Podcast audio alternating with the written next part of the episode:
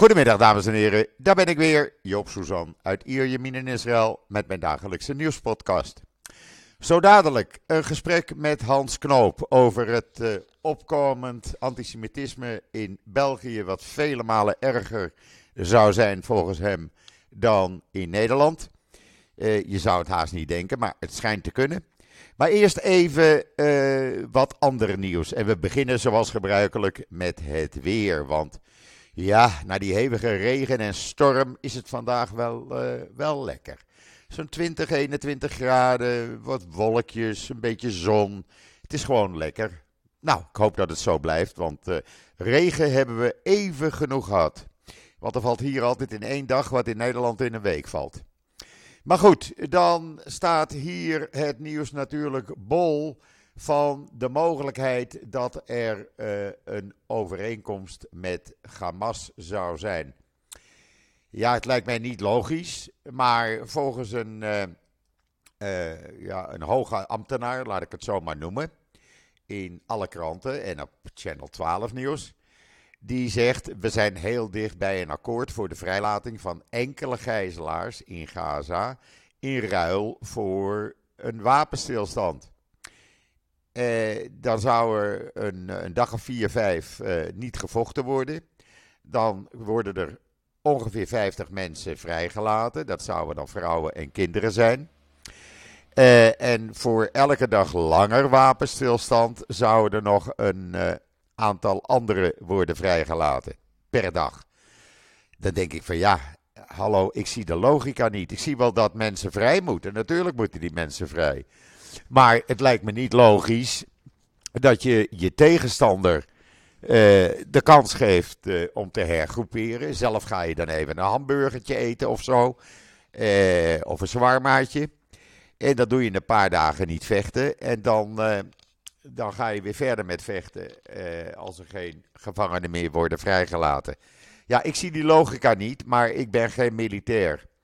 Uh, maar goed, we gaan het zien. Uh, als dat inderdaad zou gebeuren, zou het mooi zijn. Gisteravond uh, was er een bijeenkomst tussen het oorlogskabinet en familieleden van de gevangenen. Of van de gegijzelden. En wat blijkt, dan mochten alleen in eerste instantie familieleden van militaire gegijzelden mochten naar binnen. Nou, die zeiden toen, als de andere familieleden niet mogen, gaan wij ook niet. Nou, dat werd een heleboel heen en weer gekibbeld. Er was een kleine demonstratie. Uiteindelijk mochten een heleboel mensen bij die bijeenkomst zijn. En wat werd er gezegd op die bijeenkomst? Nou, er werd niks gezegd op die bijeenkomst. Heel simpel, niks gezegd. En dan denk ik, ja, waarom laat je die mensen dan uh, daar naartoe komen, naar de Kiria in Tel Aviv, en er wordt voor de rest niks, niks gedaan. Dan ga je alleen maar zeggen van, ja, we leven met jullie mee, en uh, er werd drie uur lang uh, gesproken over van alles en nog wat. Maar er werd helemaal geen concreet iets verteld. Nou, dat lijkt mij dan ook weer niet logisch. Uh, het is een beetje, ja, zal ik het zeggen, chaotisch. Erg chaotisch, mag ik wel zeggen.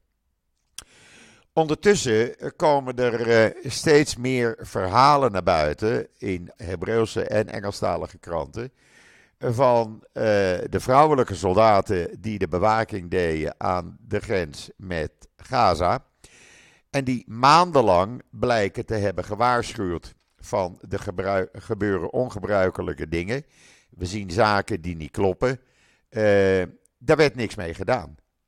Het werd gewoon, uh, er werd gewoon gezegd van stop ermee op een gegeven ogenblik. Eh, want er werd ook gedreigd na een aantal soldaten. Als je ermee doorgaat met dit soort flauwekul, dan uh, gaan we een rechtszaak tegen je beginnen. Ja, ik weet niet wat ik hiermee aan moet. Echt niet. Dan hadden we gisteren nog uh, een tafereel in de Knesset. Nou, daar weet je ook niet vrolijk van. Meneer Benkwier die kwam met zijn voorstel van we willen de doodstraf voor terroristen. Nou, dat moet je niet nu doen natuurlijk.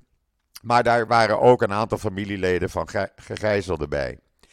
En een van die familieleden had tegen Benkwier gezegd: uh, Ik wil niet aangeraakt worden door jou. Uh, ik ben hier, ik wil mijn woord doen en dat is het. Hij deed zijn woord En hij zei, zoals andere familieleden dat ook zeiden, van het is nu niet de tijd om de doodstraf in te gaan voeren. Laten we eerst zorgen dat de gijzelaars vrijkomen en dat die oorlog is afgelopen. Maar Ben wilde doorgaan. En die man eh, die stond op en die zegt: Nee, ik vind dat helemaal geen gepast eh, moment op dit moment.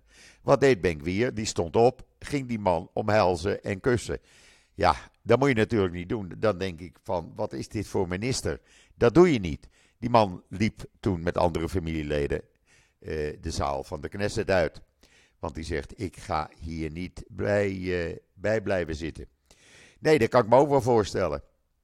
Ondertussen gaan uh, de activiteiten in uh, uh, Gaza van de IDF gewoon door.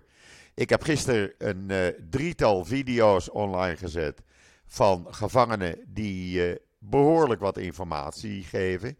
Die video's die zijn ondertiteld, dus je kan het meelezen. En daar komt bijvoorbeeld een gevangene die in detail vertelt hoe Hamas in het Shiva ziekenhuis uh, was, hoe ze daar opereerden, wat ze daar deden, dat doktoren en verplegend personeel er tegen waren. Ja, dan kan de hele wereld wel roepen: je mag geen ziekenhuis aanvallen, maar met dit soort informatie kan je dus heel wat doen. En dat blijkt ook, want er wordt steeds meer ontdekt onder de grond de verschillende divisies zijn nog steeds gaande. Uh, men heeft bijvoorbeeld een laboratorium en een fabriek voor raketten en mortieren onder een moskee gevonden. Ja, moskee zou toch een heilige plek moeten zijn. Maar nee, dat geldt voor Hamas niet. Moslims, die, moslimterroristen, die mogen schijnbaar gewoon raketten en mortieren maken onder een moskee. Die moskee ja, die werd helemaal doorzocht natuurlijk door uh, de IDF. Ook dat, daar is een video van in israelnieuws.nl. kan je daar ook zien. Zo komt er steeds meer naar buiten. Wat er ook naar buiten kwam, en die video kan je ook zien, want die heb ik ook online gehad. Ik krijg die video's namelijk allemaal van de IDF. En ik zet ze dan via YouTube in israelnieuws.nl. Je kan ze ook apart zien in mijn uh, YouTube-kanaal op YouTube. Gewoon onder mijn eigen naam, Joop Suzan. maar dan zie je bijvoorbeeld een lanceerinstallatie die vanuit de lucht vernietigd wordt. Die geplaatst is in de tuin van een hoge Hamas-leider. Die had dat privé schijnbaar. Maar je ziet ook dat een gebouw waar terroristen in zitten die met RPG's op IDF-soldaten schieten. Dat gebouw wordt ook even vanuit de lucht vernietigd. Dan staat er nog een foto waarbij je mortieren en granaten ziet in een kinderkamer. Ja, dat doe je gewoon in een kinderkamer. Je laat die kinderen gewoon lekker slapen tussen de gevaarlijke wapens. Waarom ook niet? Kan je allemaal zien op israelnieuws.nl. En dan is er natuurlijk een heel triest verhaal van een familie. De familie Benvanisti. Uh, de moeder van uh, Arnon Benvanisti, die gisteren stierf in Gaza. Die moeder verloor haar vader, uh, dus zijn grootvader, in de Yom Kippur-oorlog. Haar broer, dus die jongen zijn oom, tijdens de actie Vrede voor de Galil. En nou dus haar zoon. Dat is toch een enorm triest verhaal. Ik heb dat verhaal vertaald. Het stond in uh, uh, Channel 12 nieuws. En uh, ik heb dat vertaald en online gezet in het Nederlands. En ja, hoe kan je als familie zo getroffen zijn? Dat is werkelijk te triest voor woorden, zeg ik dan. dat gun je niemand. Echt niet. Dat gun je echt niemand. Maar het hele verhaal kan je lezen in israelnieuws.nl. En zo zijn er natuurlijk nog veel meer trieste verhalen. Want ja, eh, ik spreek natuurlijk regelmatig met mijn zwager, die eh, drie weken geleden zijn kleinzoon heeft verloren, of een van zijn kleinzoons. Ik was nog op de bruiloft een jaar geleden van die jongen. En uh, ja, dan hoor je hoe zijn zoon, dus die jongen zijn vader, met zijn vrouw eraan toe is. En die mensen zijn echt niet meer hetzelfde. zitten vreselijk in de put, zijn constant aan het huilen. Die jongen was 24 jaar, in de bloei van zijn leven. En ja, hoe daarmee om te gaan. Ik praat daar veel met mijn zwager over. En ik probeer in de loop van misschien deze week, als de raketten wat minder worden, en anders uh, volgende week zeker, even naar die ouders toe te gaan en even gewoon een arm om ze heen te slaan, ze te omhelzen, ze te kussen en met ze te praten, want je wil ze troosten. En dat is echt wat ik uh, ga doen in de komende dagen. Zodra de raketten wat minder zijn en er geen kans is om beschoten te worden onderweg naar uh, richting Jeruzalem, ze wonen net voor Jeruzalem, dan, uh, dan wil ik daar echt naartoe en dan zal mijn zwager ook meegaan, die ga ik dan ophalen. En dan gaan we er samen even naartoe om even met die ouders te praten en ze te troosten, want ja, het verdriet zit enorm diep. Dat kunnen. Ik heb dat van de verleden week op uh, social media gezet. Als je nooit een terreuraanslag meegemaakt hebt. Als je nooit mensen uit een bus hebt zien hangen, een bus zien exploderen voor je ogen. Als je nooit gewonden in een ziekenhuis hebt bezocht. Als je nooit bij ouders die een kind hebben verloren of een man hebben verloren eh, op, bezoek ben, op rouwbezoek bent geweest, dan heb je geen recht van spreken zoals die zogenaamde demonstranten in Nederland doen. Echt niet. Ik heb het helaas meegemaakt. Ik heb in 2002, tijdens die tweede intifada, in Jeruzalem bussen voor mijn ogen zien exploderen. Ik heb uh, uh, mensen bezocht in het ziekenhuis. Echt, ik wil dat niet meemaken. Het is niet fijn. Het is niet iets waardoor je gaat demonstreren. En als al die mensen met een zogenaamde steun voor Hamas gaan demonstreren, dan zeg ik: jullie zijn fout bezig, jullie zijn verkeerd bezig. Je weet niet eens wat verdriet inhoudt. Je weet niet eens wat terreur inhoudt. Als je ooit een terreuraanslag hebt meegemaakt, dan ga je echt niet meer demonstreren voor Hamas. Neem dat van mij aan. En al die mensen die vanavond weer naar een treinstation gaan, om daar weer uh, luidgillend uh, voor Hamas hun steun uit te spreken, die mensen, die zou ik eigenlijk zeggen, weet je wat, maak eens een keer een terreuraanslag mee. Dan praat je wel anders. Dan hou je op met dat achterlijke gedoe. Want dit is niet normaal. En ik begrijp niet dat dit niet wordt gestopt. Dit doet pijn. Dit doet pijn voor terreurslachtoffers. Dit doet pijn voor iedereen die uh, vrede voor Israël wil. En deze mensen moeten stoppen. En er moet geen treinstation bezet worden. En niet iemand die pro-Israël is, die gisteravond in Zwolle werd gedemonstreerd omdat hij tijdens een anti-Israël demonstratie, een pro-Hamas demonstratie, uh, uh, ging roepen dat hij pro-Israël was en met een Israëlische vlag liep. En die werd in Zwolle gearresteerd. Het is de omgedraaide, de omgekeerde wereld. Dat kan niet, dat mag niet. Zo, ik moest dat even kwijt. En uh, het zat me even diep. Ik ga nu kijken of ik Hans Knoop te pakken kan krijgen. En dan met een tel ben ik bij jullie terug. Even geduld alsjeblieft. Ik luister. Nou, het is weer gelukt, dames en heren. Ik heb uh, Hans Knoop aan de andere kant van de lijn. Hans, goedemiddag. Alles goed? Dag joh. Ja, alles prima. Goed zo. Maar die vraag kan ik beter aan jou stellen, denk ik. Ja, nou ja, hier uh, in gespannen afwachting van uh, of er nou wel of geen deal komt die mij erg onlogisch uh, toekomt. Maar goed, daar heeft men het al paar dagen over. Maar dat schijnt dus nu nabij te zijn, zegt men. of dat zo zou zijn, vijf dagen wapenstilstand, 50 vrouwen en kinderen vrij. Ik weet het niet. Maar goed, we wachten het maar af. En waarom komt je dat als onlogisch voor? Nou, waarom geef je je tegenstander de tijd om te hergroeperen? En waarom niet alle gijzelaars vrij? Ja, maar daar is natuurlijk een tegenprestatie eh, gewenst. En dat is een aantal Palestijnse gevangenen, met name ook kinderen, in eh, Israëlische gevangenissen die vrij moeten. Nou ja, dan Eh, doe je dat. Het is, een, het is een ruil in feite. Ja, in feite is het Maar een ja, ruil. ik- wat ik van in de Israëlische kranten lees, is dat meneer Ben-Gvir en meneer Smotrich zich in feite tegen welke deal dan ook zullen verzetten. Klopt. En dan wordt het eh, kabinet van meneer Netanyahu opgeblazen. Ja, En hoe graag ik hem ook gun dat hij de aftocht moet eh, eh, nemen.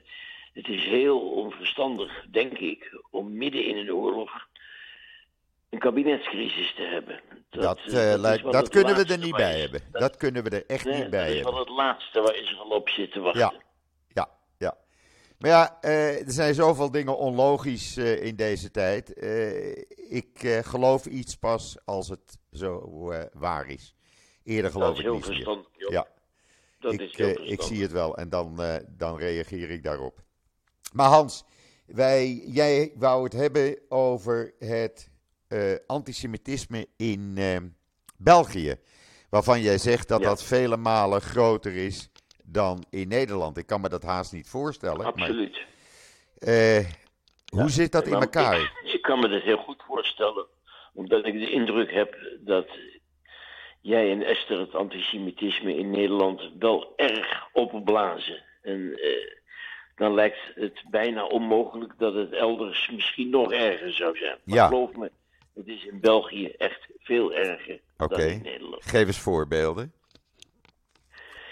Nou, vorige week is er een eh, minister geweest, een federale minister, eh, die heeft gepleit, on the record dus, voor BDS. Er mogen geen eh, producten meer uit, niet alleen uit de bezette gebieden, maar überhaupt als sanctie mogen geen producten meer uit Israël ingevoerd worden. En Oh. bedrijven in België die zaken doen met Israëlische bedrijven, die zouden een sanctie moeten krijgen. En pas op, dat is een federale minister. Want als we het over België hebben, het schijnt toch ook weinig door te dringen in Nederland. Dan heb je het over een staatsrechtelijk eh, volledig uit de kluiten gewassen en misvormd eh, systeem bestaande uit een aantal landen. Het is in feite een federale staat. Dus je hebt Vlaanderen, je hebt Wallonië, je hebt Brussel en je hebt de Oostkantons. Dus dat is Ja. het gebied dat grenst aan Duitsland. Ja. Dat zijn vier verschillende staten met vier verschillende parlementen, met vier verschillende regeringen. Dus het is al heel moeilijk om over België als één eh, federale staat te praten. Maar in dit geval betreft het dus eh, België als federale staat, waarvan dus vorige week een minister, geen belangrijke minister, maar wel een minister, heeft opgeroepen eh, om Israël formeel eh, te boycotten. En ook, en dat is iets wat misschien op iets langere termijn speelt, maar zeker niet onbelangrijk is, ze heeft ook opgeroepen om het associatieverdrag met de Europese Unie en Israël te schorsen, omdat Israël zich niet naar eh, de letter van het associatieverdrag zou houden. Ik zit nu haar te citeren, ik laat Ja. in het midden of wat ze zegt eh, klopt. Eh, en eigenlijk is daar nauwelijks door andere ministers van andere partijen nauwelijks oppositie tegen geweest. En wat is het? Eh, Staatsrechtelijk gezien is het zo dat als één minister, hoe onbelangrijk ook zijn positie binnen de regering mogen zijn, maar als één minister iets roept, dan bindt dat de hele regering. Dus als morgen de minister van, weet ik veel, sport of posterijen of toerisme roept dat Israël alle bezette gebieden zou moeten teruggeven, dan bindt dat de hele regering. En in dit geval betreft het dus een ernstige zaak als een boycott. Ja, er is geen oppositie van andere eh, partijen of ministers geweest. Dus formeel hangt het boven de markt en kan het eh, in beginsel ook op ieder moment daadwerkelijk van kracht worden. Ja, ja. Natuurlijk moet het parlement, parlement ook nog eh, toestemming geven. In zijn algemeenheid kan je zeggen dat eh, het Franstalige deel van België, en met name Brussel, dat is een aparte regering Brussel, dat die wat positiever tegenover Israël staan dan Vlaanderen, waar het echt om te huilen is. Met uitzondering van de grootste partij in Vlaanderen, de Nieuwe Vlaamse Alliantie, waarvan de burgemeester van Antwerpen eh, de grote leider is. Die is zeer pro-Israël. Zeer pro-Israël. Maar het is wel de enige partij in Vlaanderen die zeer pro-Israël is. Ja, ja. En verder, ja, de kranten is om te huilen. Ik moet, daar is de NRC en de Volkskrant in Nederland zijn daar bijna zionistisch bij vergeleken. Oh ja, is het zo erg? de- ja, ja het, is, het is echt vreselijk. Het-. Dat is mij echt allemaal ontgaan. Dit is allemaal nieuw voor mij. Ik, eh, ik wist wel dat het. Dat het En ook eh, het antisemitisme is vele malen ernstiger dan in Nederland. Eh, Ja. Afgelopen week heeft de bisschop van de provincie Antwerpen heeft een, een open brief geschreven naar een aantal Vlaamse kranten. Nou ja, je weet niet wat je leest. Het is pure, pure, pure antisemitisme van, van katholieke eh, herkomst. Eh, je kan je bijna niet eens voorstellen dat het 2023 is, want het zou eh, 1815 kunnen zijn. tja, Eén grote antisemitische niet te geloven. aantijging, ja. En En- heb en- je het en- dus en- over een... En voor de Joden zelf, eh, de Joodse inwoners van, eh, van Vlaanderen. eh, hoe is hun leven op dit moment? Hoe is hun leven veranderd?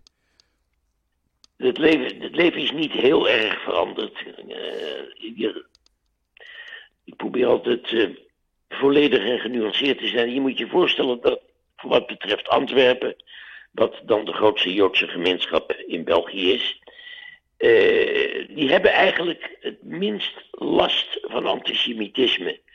Ondanks het feit dat het een, een Garedische gemeenschap is, een zeer Hasidische, vrome Ja, eh, gemeenschap waarvan er eigenlijk op het Europese continent nauwelijks eh, voorbeelden zijn.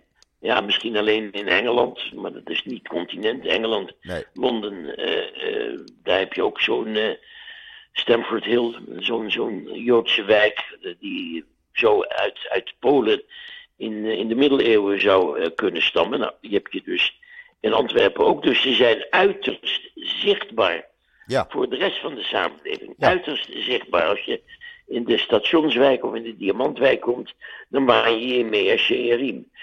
En toch hebben ze betrekkelijk weinig last van antisemitisme van de, de omgeving of de buren. En waarom? Ja, ze hebben zich eigenlijk ingegraven in hun eigen virtuele ghetto. Ze komen nauwelijks buiten dat eigen kringetje. Ze gaan eh, naar dezelfde lagere school, ze gaan naar dezelfde middelbare school, ze zijn van dezelfde verenigingen lid. Eh, het, is, het, is natuurlijk een, een secte.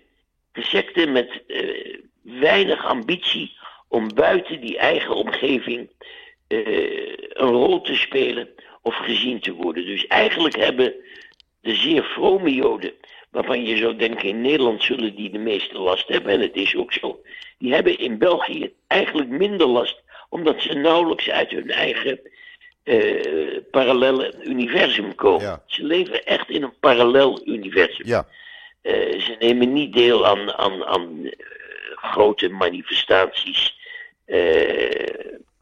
Het is een andere wereld. Het is een volstrekt andere wereld. maar nou hoorde ik Maar, van, ja. van, van eh, mensen in Brussel eh, en omgeving. eh, die zeggen: ja, als mijn schoolkinderen, mijn kinderen gaan voetballen. dan staat er rond dat voetbalterrein staat, politiebewaking. Ja, nou ja, dat gebeurde in Nederland ook. hè. Zaalvoetbalwedstrijden waar Maccabi voetbalde, is Ja. ook een aantal keren politie eh, ter plekke eh, verschenen. Eh, maar ik kan mij voorstellen dat de Brusselse Joodse gemeenschap, die voor het overwegend deel liberaal is, dus het, het Ja. tegenovergesteld Van de, de, de Hasidische clan in Antwerpen. Maar dat die Brusselaars daar meer last van hebben, Ja. omdat die juist wel onder de niet-Joodse samenleving een rol spelen. Ja, precies. Precies. En, En en, er is ook heel weinig, er is ook heel weinig samenwerking tussen eh, Antwerpen en Brussel, de Joodse gemeenschappen. Het zijn twee volstrekt verschillende werelden, ja, waarbij je grofweg kan zeggen, de Antwerpse is het, het stettel, eh, het Oost-Europese stettel. En iedereen eh, functioneert binnen die, die, die stettelgemeenschap. ja. Terwijl in Brussel zijn het, net als in Amsterdam, zijn het liberale Joden die in, in, in hun manier van leven nauwelijks afwijken van, de- van de niet-Joden. Ja, ja. En zullen er dus meer mee geconfronteerd worden met antisemitisme. Maar denk jij nu werkelijk dat die federale regering zo ver zal gaan als banden met Israël eh, eh, verbreken en de BDS in te voeren? Eh, op regeringsniveau? Want ik kan me dat haast niet voorstellen. Nou ja, het is vaker bepleit. Het is, eh, het is, het is er nooit van gekomen. Eh, maar het is wel vaker bepleit. Eh, voorlopig zie ik dat ook niet gebeuren. Maar het feit dat je met zo'n voorstel wegkomt in België. En dat er Ja, geen, eh, dat zegt al genoeg. geen, geen, geen eh, storm ontstaat, dat, eh, dat zegt genoeg. Ja, Eh, Ja. Nee, het, eh, het is onvergelijkbaar om over de media maar te praten. Er zijn iedere dag zijn er aanvaringen met de VRT, zeg maar. Dat is dus de, de NOS eh, of de NPO van België. Dat is de, de staatsomroep. ja, Nou ja, het is werkelijk niet te filmen eh, hoe eenzijdig die zijn. En ook vooral hoe slecht geïnformeerd. Nou, ik schrijf het ene persbericht naar het andere eh, voor de Joodse gemeenschap in Antwerpen. Ze zijn het Nederlands vaak zelfs nauwelijks, eh, nauwelijks machtig. Maar het, eh, het heeft weinig zin, het komt niet aan. nee. Als, als wij ons al beklagen over de NPO, nou, die is echt 50 keer beter op dit gebied geïnformeerd en ook in hun presentatie. Ik kan me dat niet voorstellen, maar als jij het zegt, Ja. geloof ik het. Echt waar. Maar ik, ik kan Daarom me dat haast niet voorstellen. Daarom vond ik het. Nee, daarom, nou, om, juist omdat je je het niet kan voorstellen. Nee, En jullie, eh Esther en het NIW, heel erg naar mijn gevoel te veel inzoomen op kleine incidenten.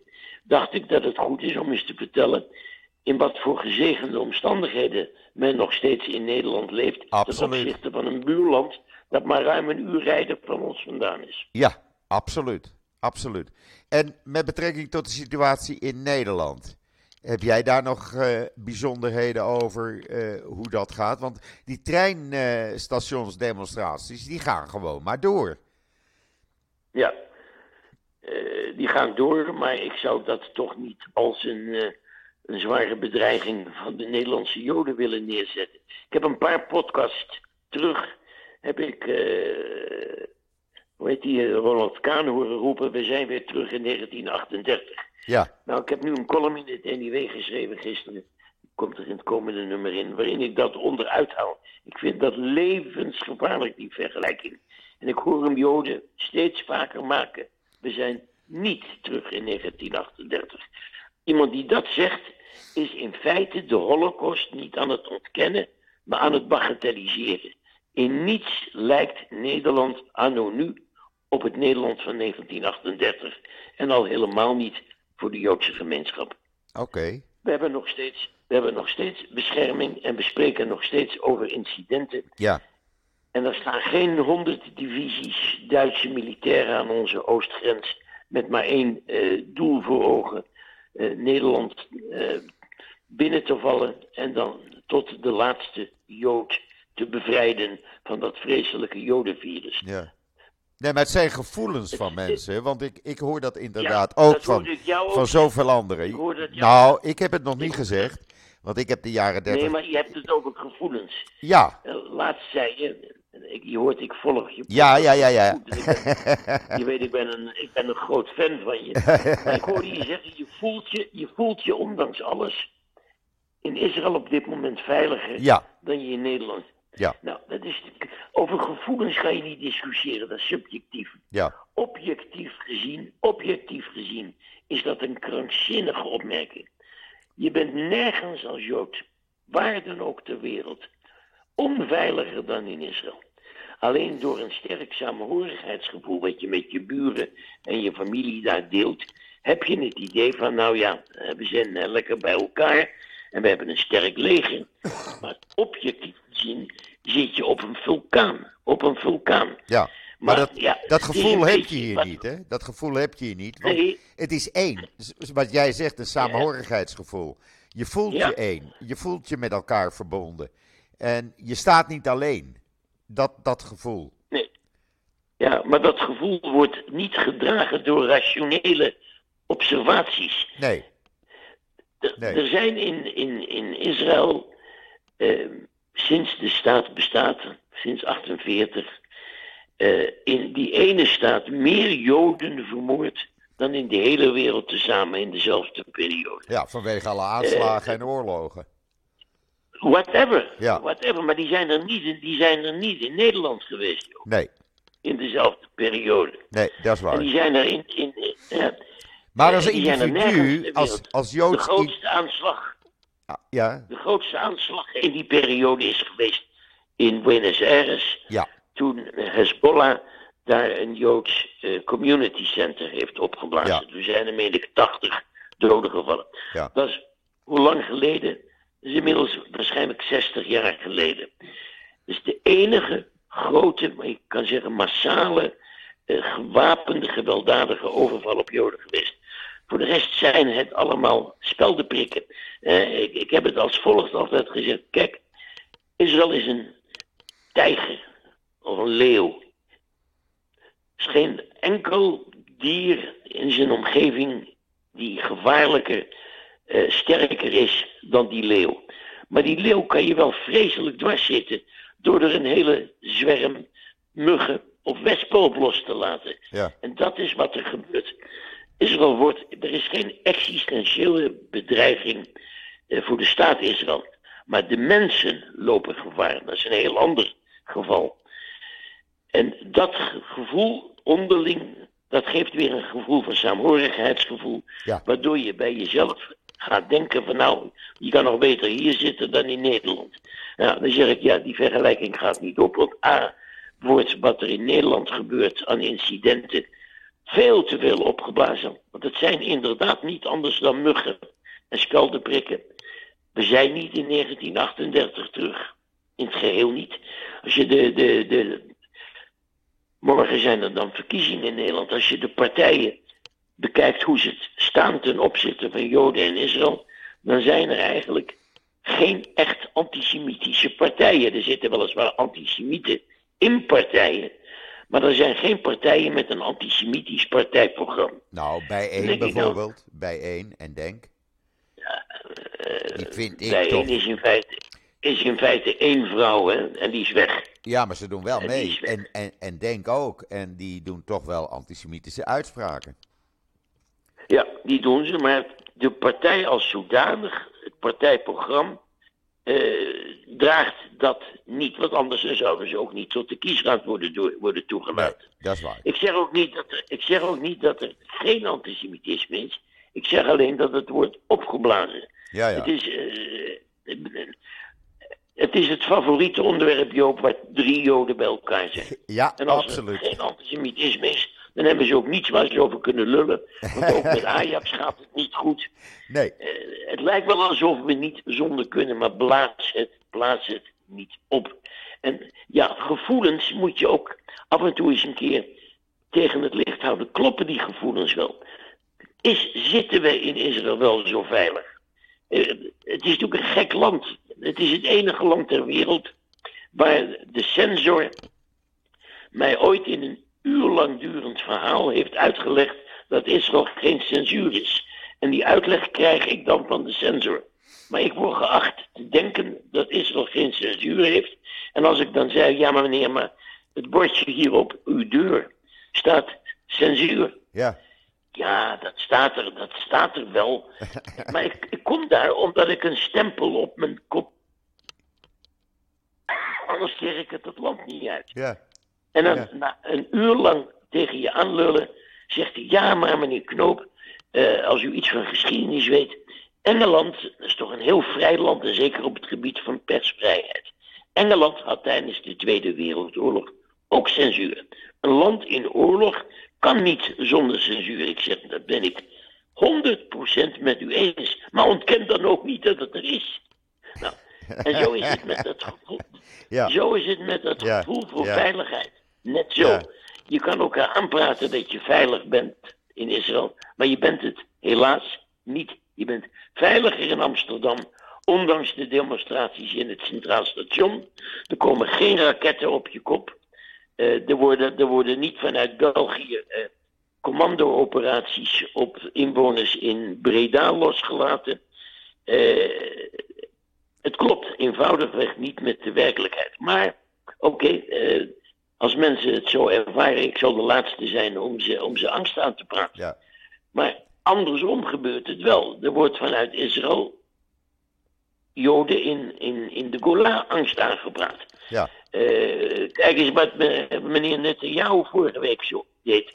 Die heeft een soort negatief reisadvies voor de hele wereld afgegeven. ja, dat was een beetje Dat overdreven. dat- Het was echt Dat, overdreven. vers- dat versterkt het gevoel, en zeker bij mensen die Europa niet goed kennen, van nou, je bent altijd nog beter hier dan in Europa. Nou, dat is niet waar, Ik kan je zeggen, niemand eh, stoort zich daaraan, want de vluchten naar Europa en Amerika van El Al zitten nog steeds hartstikke vol. Dus wat dat betreft, eh, niemand trekt zich van dat advies van Netanyahu aan. Echt niet. Nee, maar het, het, is, het is bedoeld om Angst te aan te jagen. voorkomen dat, dat het land leeg zou lopen. Ja, Want pas op, er speelt meer dan alleen deze afschuwelijke oorlog. Als deze afschuwelijke oorlog voorbij is, dan krijgen we de politiek. dan ga je, dan ga, precies, dan ga je de, de, de side effects van die oorlog krijgen. Ja. Dan ga je een, een deplorabele economische situatie krijgen. Met massa-ontslagen. Eh, dan ga je waarschijnlijk een, eh, een nieuwe credit rating negatief af. Een negatieve credit rating van de grote eh, credit agencies krijgen. Er staat nog een hele partij ellende Israël Oh ja, maar dat roep ik ook de hele tijd. We staan pas aan het begin van een hele nare periode. Eh, en en eh, de eerste maanden, zo niet het eerste jaar. nou, ik denk niet dat ik met mijn armen over elkaar kan gaan zitten. Echt niet. Nee, Nee, daar ga ik niet vanuit. niet in. Nee. Ik herinner me trouwens, Joop, dat eh, niet zo heel lang geleden, en dan, dan kan je het afleiden hoe goed ik jouw podcast volg, dat je zelfs riep dat je het tot zo het eind van dit jaar aankijkt. En anders zelf overweegt het land te Ja, dat was toen die periode. Dat was toen die, eh, die periode dat eh, de politiek natuurlijk één grote chaos was hier. En, Ja, maar dat is, dat is niet was, dat is hij nog. dat is hij nog. En Maar nu, nu is die oorlog er tussendoor gekomen en dan krijg je een heel ander gevoel. En daar heb je het weer, het gevoel. En dat is, per, eh, Ja. dat is persoonlijk, hè? En eh, Ja. eh, ja, dan, eh, dan zit ik toch lekker, eh, lekker hier, denk ik dan. Dus ja, Ja, eh, zo werkt dat bij mij. Dus ik begrijp het. ik begrijp het. En ik, ik zou denk ik niet anders eh, functioneren als ik er, als ik er zou nee, nee. Ik, ik moest er ook niet lang over nadenken. Dus wat dat betreft. Hans, ik vond het weer fijn om met je te praten. En eh, ik hoop het spoedig eh, weer een keer over te doen met jou. Nou, Want je hebt mijn nummer. Ik heb je nummer. Er blijven Ik ben- genoeg onderwerpen. Ik ben, een fan, ik ben een fan, maar dat wil niet zeggen dat ik het met alles met je eens ben. Nee, maar dat hoeft ook niet. Want dan wordt het zo ongezellig. En Ja. ik vind dat En mensen ik best.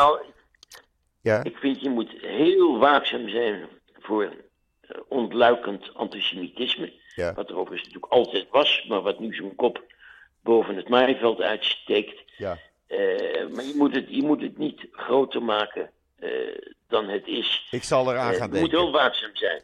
Ik zal eraan gaan denken. Ik vind, ik, wat ik prettig vind, is dat, we ook, dat er nu eens een keer een ander geluid eh, gehoord wordt. En mensen kunnen dan zelf hun, eh, hun mening vormen. Ik vind dat heel, eh Luister heel je fijn. op. Mag ik er nog één ding aan toevoegen? Ja, doe maar. Ik behoor niet tot de softe sector. Het is niet zo dat ik. Nee. eh, eh, bepaald niet. Ik, ben, ik heb eind jaren zestig in Nederland. Eh, dat, heette, dan, dat noemde men dan de Joodse Defensieliga. Ja, eh, opgericht. eh, om daarmee de indruk te wekken dat we Rabijn Kahane in New York vertegenwoordigde. Wat in het geheel niet het geval was. Er zaten mensen van 50, 60 jaar in dat clubje. Ja. Die vonden dat Joden, dat was in de periode dat de Palestijnse terroristen ingevlogen werden in Europa om aanslagen te plegen. En Ja. vliegtuigen, Vliegtuig kapen. Je herinnert je dat? Ja, Ja, je herinnert je dat Ja. nog. Toen heb ik het initiatief genomen om te zeggen: jongens, de politie beschermt ons onvoldoende. Als je opbelde en bescherming wilde hebben, dan zeiden ze: ja, we zullen wat vaker langs uw huis of langs de school rijden. Dat was het, daar Ja. moet je het mee doen. Toen heb ik gezegd: als de overheid het dan niet doet, dan zullen we het zelf moeten doen. Dus als iemand waakzaam was voor eh, antisemitisme en ook aan, voor fysieke bedreigingen, was ik het wel. ja. Maar je kan het ook, nogmaals, je kan het ook te groot maken. En eh, daar doe je niemand, en ook jezelf niet, doe je niemand een plezier mee. We gaan eraan Maar denken. goed, dat is mijn mening. Dat is jouw mening. mening. Prima. En ik respecteer jou. En ik respecteer jou. begrijp En ik vond het echt weer prettig om met je te praten. En ik, eh, nogmaals, we gaan dat snel weer eh, nog een keer doen. Goed Joop, Oké. Ga je goed. Ik wens je nog een fijne aan, eh, voortzetting, eh, fijne voortzetting van deze dag. En eh, tot spoedig, zeg ik dan. Het ga je goed Joop. Oké, Groeten. jou ook. Tot ziens. Dag Hans. Dag. Bye bye. Ja, dat was eh, Hans Knoop. En eh, ja, jullie horen mijn hond al, Mickey. Mickey weet dat eh, de, eh, de podcast eh, bijna afgelopen is. En hij staat al klaar voor zijn cookie. Morgen, dan ben ik er weer. En dan heb ik weer een nieuwe gast. Wie, dat hou ik nog even geheim. Maar ik zeg zoals altijd, tot ziens. Tot morgen.